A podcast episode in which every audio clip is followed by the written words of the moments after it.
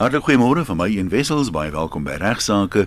Oudergewoonte hier skuins oorkant my Ignas Kleinsmid van van Velden Duffy Prokureurs wat namens die Prokureursorde van Suid-Afrika sy bes probeer om luisteraars te bemagtig deur die beantwoording van hulle regsvrae, maar af en toe kry hy dit nie alleen reg nie, dan vra hy hulp en ek sien jy het uh, aanvallige hulp hier vanoggend. Nie aanvallerig nie, aanvallig Ignas. Ja, nee, baie welkom uh, ook uh, aan ons gas vandag, uh, Riet Oosthuizen. Uh die het is 'n uh, baie bekende familieregprokureur daar in Pretoria en ons is bevoorreg om haar vandag hier te hê. Luisteraars wat gereeld luister sal onthou ons bietjie met haar gesels oor onderhoud die 22ste Julie en oor egskeidings en alles en nog wat. Uh sy was so gaaf om vandag weer met ons te kom gesels en vandag hoofsaaklik oor onderhoud. Die het het daar by tikkies geswat en sy sal vir die afgelope 19 jaar 'n familieregprokureur in Pretoria. Soos ek sê, baie bekend en baie dankie dat jy bereid is om met ons te kom jou kennis deel vandag het. Dankie, dis baie lekker om hier te kan wees. Net ons gaan oor onderhoud praat. Kom ons begin sommer net basies. Wat is onderhoud? Dit is 'n regsplig wat 'n persoon of persone het om dan iemand te onderhou wat 'n behoefte het aan onderhoud. Die tipiese behoefte, wat sal dit wees? Dit sal nou wees akkommodasie, kos, klere, mediese uitgawes, uh opvoeding en ander noodsaaklikhede en dan loop dit hand aan hand saam met die lewensstandaard van of die posisie van die partye en dan hulle verdien vermoë of finansiële ja. inkomste. Nou eens sou jy sê verreweg die meeste skrywers wat ons hier by regsaake kry handel maar oor frustrasies met onderhoud en uh, veral frustrasies van gades uh, baie keer meeste kere is dit maar vrouens nê nee, wat weet, probleme het. Dit maak eintlik sin want rofweg verstaan ek omtrent die helfte van alle huwelike eindig in die egskeidingshof. Ja. So die helfte van die luisteraars het die probleem een of ander tyd. Terwyl as jy nou kyk na ander probleme ons huiskoop baie mense koop huis maar dis proporsioneel minder wat regshulp oor daai kwessies nodig is. Ja. Hierdie is nou regtig vir almal. Ja, absoluut. Of of om te verhoed dat jy die probleem gaan hê dalk. Normaalweg uh, het is daar onderhoudsmagades en kinders of vrouens wat namens hulle kinders eis.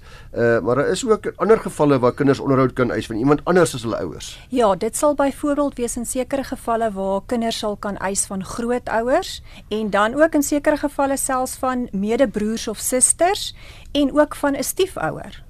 Wanneer sal dit nou wees byvoorbeeld? Daar was 'n paar jaar gelede 'n hofuitspraak waar 'n stiefouer 'n kind vir 'n aansienlike hoeveelheid jare onderhou het En in hierdie geval toe daardie huwelik op die rotse loop, het die hof beveel dat die stiefpa wel vir sy stiefkind steeds moes onderhoud betaal. Ja, dan kry jy die geval van ma en pa het regtig nie inkomste nie, hulle is werkloos uh, of daar's ander probleme wat hulle het en dan kan kinders byvoorbeeld van oumas en oupas ook ja, is. Ja, beslis. Uh en as ek reg is ek sê dat die verhouding waar hulle kan sê net maar daar's een ryk oupa en een arm oupa dan sal die ryk oupa meer moet betaal in verhouding met sy inkomste as wat die arm oupa betaal. Uit die aard van die saak, ja. Maar hulle kan albei oupas en oumas, al die grootouers kan, kan betrokke raak. Kan aanspreeklik gehou word. En dan het jy gepraat ook van medebroers en susters selfs. Ja, dit sal byvoorbeeld wees waar 'n medebroer of 'n medesuster reeds werksaam is en dan in so 'n geval as daar nie ouers is nie of daar's nie grootouers nie, sal die minderjarige boetie of sussie dan van die ouer boetie of sussie kan eis.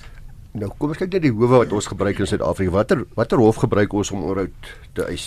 Die hoof of wat normaalweg genader word is die onderhoudshof, maar dan kan die Hooggeregshof uit die aard van die saak ook genader word in die gevalle van egskeidings en dan ook interessant die gesinsgeweldhof in sekere omstandighede. Maar nou praat ons van die onderhoudshof en dan sal die eerste vraag wat mense altyd uh, vir ons vra is maar kos dit nie te veel nie. Ek ek het nou 'n probleem. Hmm ek het geen geld nie, ek wil R50 'n maand of R500 'n maand of R1000 'n maand hê myself my kinders onderhou, dan moet ek nog 'n prokureur ook gaan sien. Die onderhoudshof is spesifiek geskep vir die publiek om dit self te kan nader. So dit is 'n relatiewe maklike proses wat die publiek in staat sal stel om sonder regsverteenwoordiging die hof te kan nader en die nodige vorms kan ook op die internet opgesoek word. Ehm um, dit is nou in Engels as jy as as die luisteraars dit wil gaan Google onder application for maintenance orders of dan nou by www.justice.org.za. En dan praat mense ook van onderhoud in die Hooggeregshof gewoonlik as deel van 'n egskeidingsproses. Ja, dit sal wees as deel van 'n egskeidingsproses, so dit is dan tweeledig. Dit sal dan nou of wees wanneer daar interim aansoeke vir onderhoud is of dan nou by afhandeling van die egskeiding. Want jy nou vinnig net genoem nou, nou gesinsgeweld. Onderhoud is deel van gesinsgeweld. Ja, dit is uh, eintlik 'n veld wat die gesinsgeweld hof word min genader in hierdie geval, maar daar bestaan 'n behoefte soms daarvoor en dit sal wees onder omstandighede waar daar ekonomiese mishandeling plaasvind. Dis interessant, so mishandeling as jy praat van geweld, dis ja. is dit nie noodwendig ek slaan jou en ek uh, en gebruik my vuiste en my voete nie. Ek kan ook jou ekonomies mishandel. Ja. En deel van dan, die geweld. Dis deel van die geweld en dan sal jy nou tipies eis vir noodmonetêre hulp. Dit sal nou byvoorbeeld wees vir huishoudelike noodsaaklikhede of waar die partye getroud is en nou trek die een party uit en daardie party was die betaler van die huisverband. Nou stop hy om die huisverband te betaal en nou sit ma wat die huisvrou is by die huis en hier word die verband nie betaal nie of die huur word nie betaal nie en dit sal dan kwalifiseer as noodmonetêre hulp. En die proses net vinnig daarso wat 'n vrou of 'n man nou moet volg as hulle die onderhoudshof uh, nie wil gebruik nie, maar wel die gesinsgeweld hof. Dit is ook 'n relatiewe maklike proses. Dis ook geskep vir die publiek om self die gesinsgeweld hof te kan nader sonder regsverteenwoordiging. Jy kan natuurlik van regsverteenwoordiging gebruik maak as jy sou wou en daar kan die publiek ook die nodige vorms opsoek onder die Domestic Violence Act, meer spesifiek vorm 2 of dan nou by www.justice.org.za. En hierdie uh, vorm wat hulle voltooi, is dit 'n redelike vorm wat jy self kan voltooi en net aanmeld wat presies jou probleme is. Ja, dis eintlik regtig ehm um, soos die Engelsman sal sê straightforward. En watter hof praat ons hiervan? Jy praat nou van die gesinsgeweld hof, maar daar's nie 'n spesifieke Daar's nie 'n aparte hof nie. Waar toe gaan hulle? Dit hang af. Soos byvoorbeeld in Pretoria is daar 'n aparte ja, hof. Ehm ja. um, die die gesinsgeweld hof in die middestad van Pretoria sit ehm um, reg oor kan die stadsraad, maar tradisioneel is die gesinsgeweld hof deel van die landdroshowe. Korrek, ja. En dieselfde geld ook vir die onderhoudshowe. Jy gaan maar na die klerk van ja. die van die landdroshof toe in jou dorp of jou gebied waar jy is en uh, hulle sal ook vir jou dan verduidelik as daar dalk 'n ander hof in jou in daai jurisdiksie is. Soos ja, in Pretoria. Hulle sal jou dan bystaan.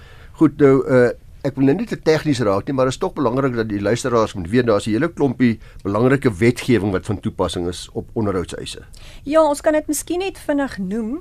Ehm um, dit sal nou die egskeidingswet wees wat wet 70 is van 1979, die onderhoudswet 99 van 1998, dan nou die gesinsgeweldwet waarvan ons nou nou gepraat het, 116 van 1998 en miskien dan ook 'n ander wetgewing wat ook interessant is, dis die Reciprocal Enforcement of Maintenance Orders Act. So 'n bietjie daaroor, wat is dit presies? Ehm um, hoekom dit spesifiek interessant is, is dit sal nou wees waar daar 'n onderhouds bevel is wat in Suid-Afrika toegestaan is en dan kan jy dit afdwing teen 'n persoon wat in die buiteland woonagtig is.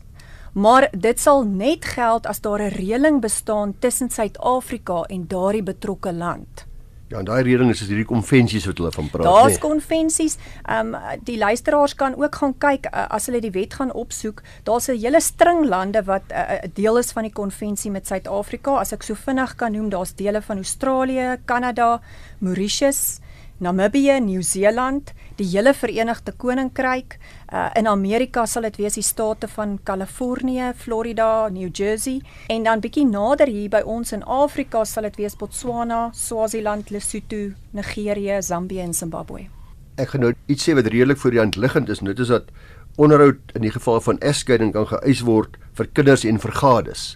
Maar dis nie net net gewone die tradisionele huwelike wat ons hiervan praat nie. Nee, dit sal natuurlik ook insluit gay huwelike. Ja, waar daar ook uh, onderhoud ja, geëis kan word. Want dit is ook 'n gade, so watter een van die gades ook al 'n uh, 'n behoefte het aan onderhoud, sal die hof kan nader vir onderhoud. Die mans al hoe meer afhanklik raak van die vrou, dat dui dat die hulle is die huishoudster en die vrou is die broodwinner. Ja, dis hoekom die wet spesifiek net verwys na gade. Kan mens eis nadat jy geskei is? Nee, en dit is baie belangrik vir die luisteraars om dit te onthou. As jy sou skei die dag en besluit om nie onderhoud te eis nie, kan jy nie daarna die hof nader om onderhoud nie.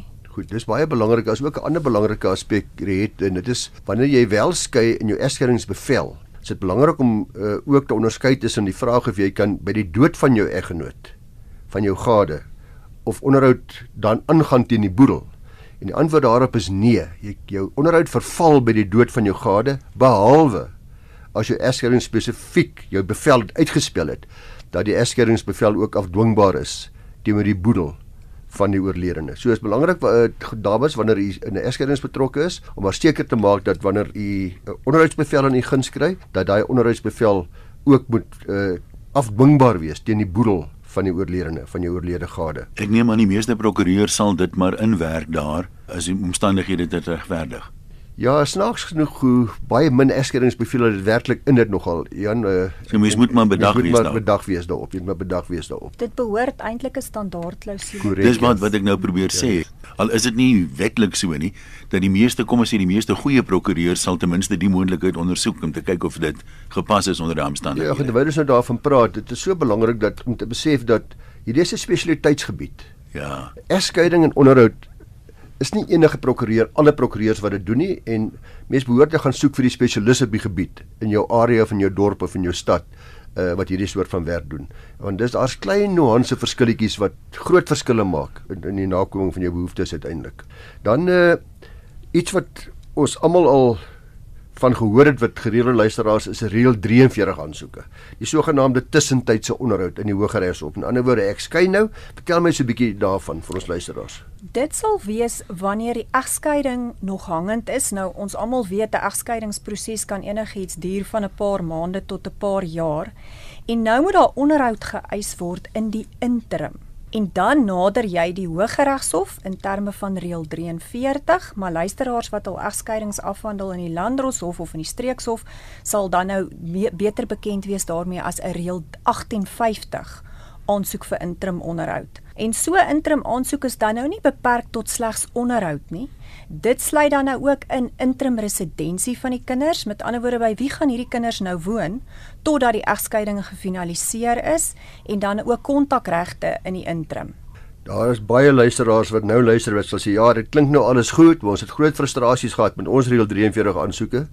Uh dit was nie noodwendig wat ons wou gehad het nie en die man het ons bietjie verneek of die ander party het bates weggesteek ensovoorts. Na die onderbreking wil ek graag bietjie praat oor 'n nuwe hofsaak wat hierdie saak aanspreek. As jy nou net ingeskakel het, Riet Oosthuizen is ons gas en uh, sy en Ignas praat hoofsaaklik oor onderhoud vandag. Ja, Riet, ons het nou net gesels oor die sogenaamde reël 43 aansoeke. Dis nou wanneer een party 'n egskeiding hangende die afhandeling van die egskeiding intussen tydse bydrae van uh die ander party eis of vir regskoste of vir onderhoud en ek het toe genoem dat dit nogal redelike frustrasies veroorsaak vir baie kliënte om hierso behoorlike onderhoud te kry en om behoorlike inligting te verkry ook van die ander party wat dan nou moet betaal.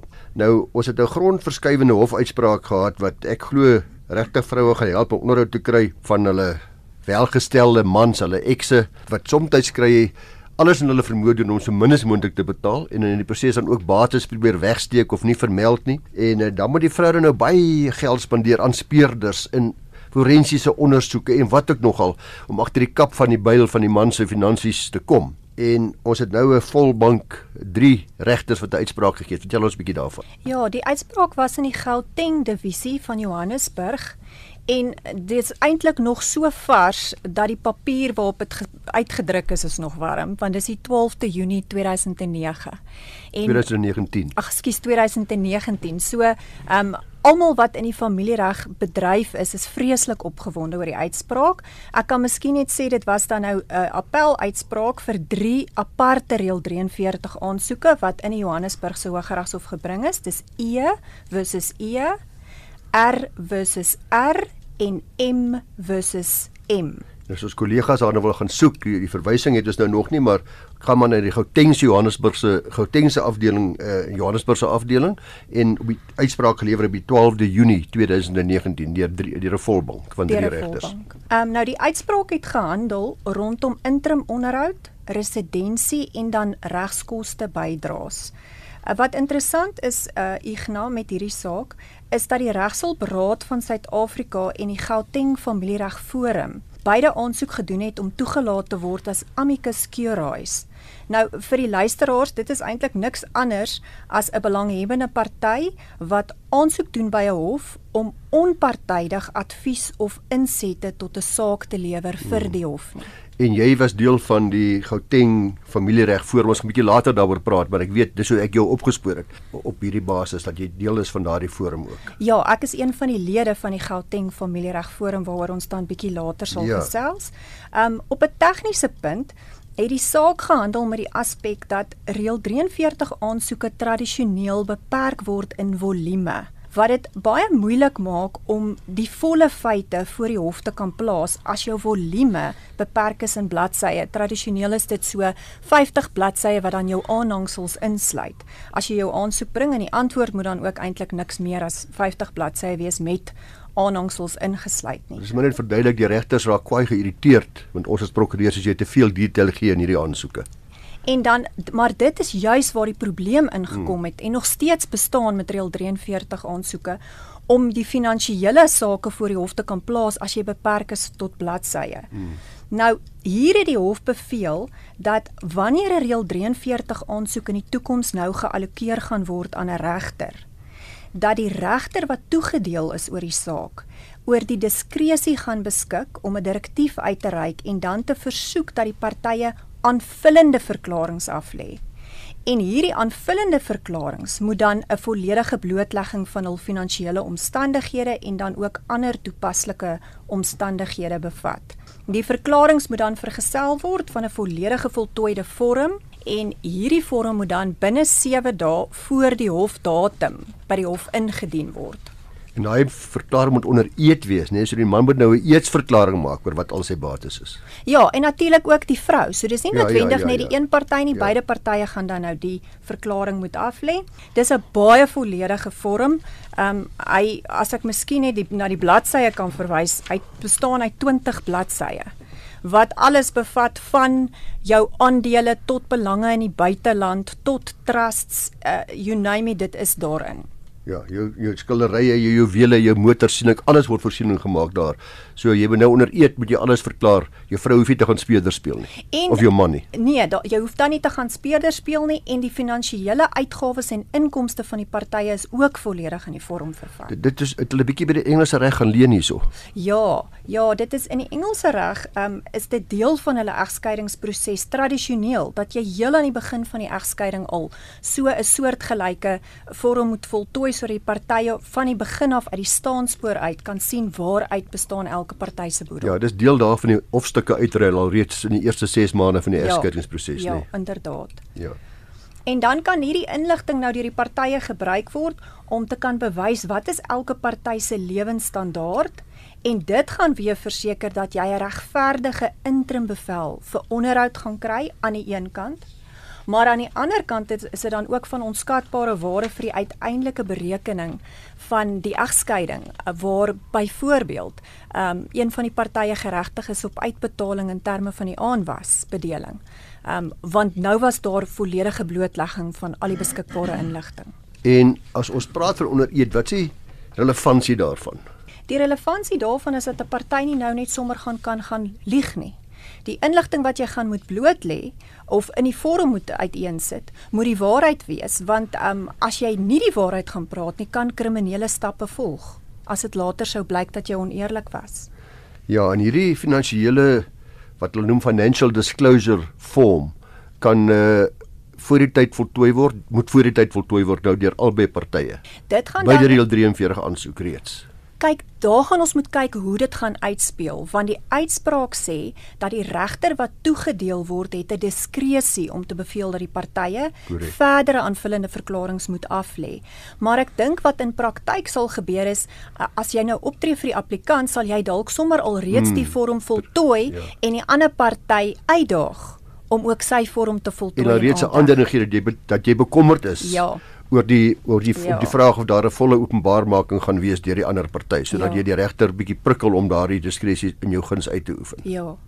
Uh, wat ook belangrik is um Ian en Igna is dat hierdie is 'n uitspraak is in die Johannesburgse divisie. So luisteraars moet net daarop attent wees dat dit nie landwyd geld op hierdie stadium. Maar ek glo tog dat hierdie uh, voorbeeld deur Gauteng sal asof in die, die gewone presidentestelsel, alhoewel dit nie verpligtend is, dit tog deur ander jurisdiksies gevolg word. Hoopelik heel waarskynlik. Ja, um, ek moet sê ek het um, reeds 'n landros gehad wat uit die Kaap uit my telefonies gekontak het om te vra vir die uitspraak en wat reeds belang gestel het daar om om om te kyk hoe kan hulle dit toepas. Kan ek 'n praktiese vraag daaroor vra? Dit beteken nie Ander divisies mag dit nie doen nie.